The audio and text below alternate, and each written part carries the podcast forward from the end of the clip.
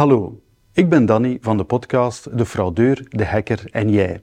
En vandaag hebben we een belangrijke missie. We gaan een einde maken aan phishing. Of het nu gaat om phishing van je privégegevens, zoals je bankgegevens, of van je professionele gegevens, zoals de inloggegevens van je e-mail. En hoe gaan we dat doen?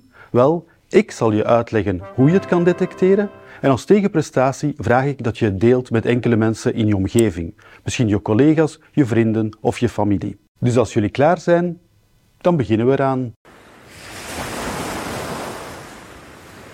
Om een valse e-mail te herkennen krijgen we vaak drie adviezen. Ten eerste, kijk naar schrijffouten in het bericht. En dat klopt wel, maar minder en minder. Fraudeurs worden professioneler, dus er komen minder fouten in voor. Het werkt dus wel, maar niet altijd. Een tweede advies is om te kijken naar de afzender van het bericht. Dat is een goed advies. Alleen kunnen fraudeurs in sommige gevallen de afzender nabootsen. Dus het werkt ook wel, maar ook weer niet altijd. Een derde advies is om te kijken waar de link in het bericht naartoe gaat, naar welke website. We zullen nu kijken waar je dit kan lezen, maar eerst hoe je dit kan lezen. Om het adres van een website te lezen nemen we dit voorbeeld. Na de https dubbele punt dubbele schuine streep gaan we op zoek naar de eerste schuine streep die alleen staat. En dan gaan we twee punten terug. 1 en 2. En alles wat tussen dat tweede puntje en de schuine streep staat, is de naam van de website. En dit moet overeenkomen met de naam van het bedrijf waar je naartoe wil gaan. Dus als je een mail of een sms krijgt van je telefoonmaatschappij die zegt dat je factuur twee keer betaald werd en dat je moet klikken om je gegevens bij te werken en je past deze techniek toe, dan moet wat overblijft overeenkomen met de naam van jouw telefoonmaatschappij. En hetzelfde voor je bank.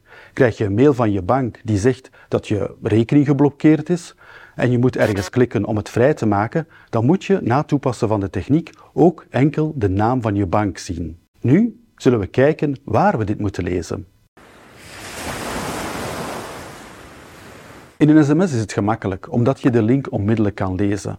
In dit bericht dat van Netflix lijkt te komen, wordt er gezegd dat ik mijn gegevens moet bijwerken. En daarvoor moet ik naar netflixrekening.com gaan. Dat is niet de website van Netflix. In een e-mail kan de link achter een knop zitten. Dus is het belangrijk dat we de juiste link lezen. En daarvoor plaatsen we de muis zonder te klikken over de link. De echte link zal dan verschijnen. En daar zien we dan, als we de techniek toepassen, dat dit ook niet juist is. Dit is fraude.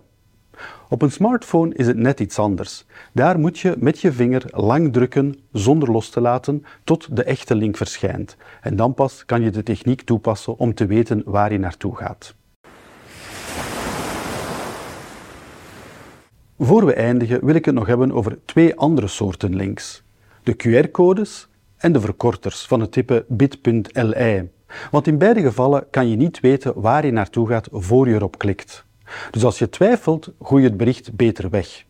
Denk je dat het toch een echt bericht is, kan je erop klikken, maar moet je wel voorzichtig zijn. Voor je iets downloadt, voor je gegevens begint in te geven, voor je eigenlijk begint te surfen, kijk je naar het adres in de adresbalk van je browser. En komt het niet overeen met de naam van het bedrijf dat je denkt waar je bent, stop dan. En zo zijn we aan het einde gekomen van deze aflevering. Ik hoop dat je het interessant vond. En zoals we in het begin gezegd hebben, het is alleen samen dat we de fraude kunnen stoppen. Dus alsjeblieft, deel dit bericht met enkele vrienden, familieleden of collega's, want zo stoppen we echt de phishing.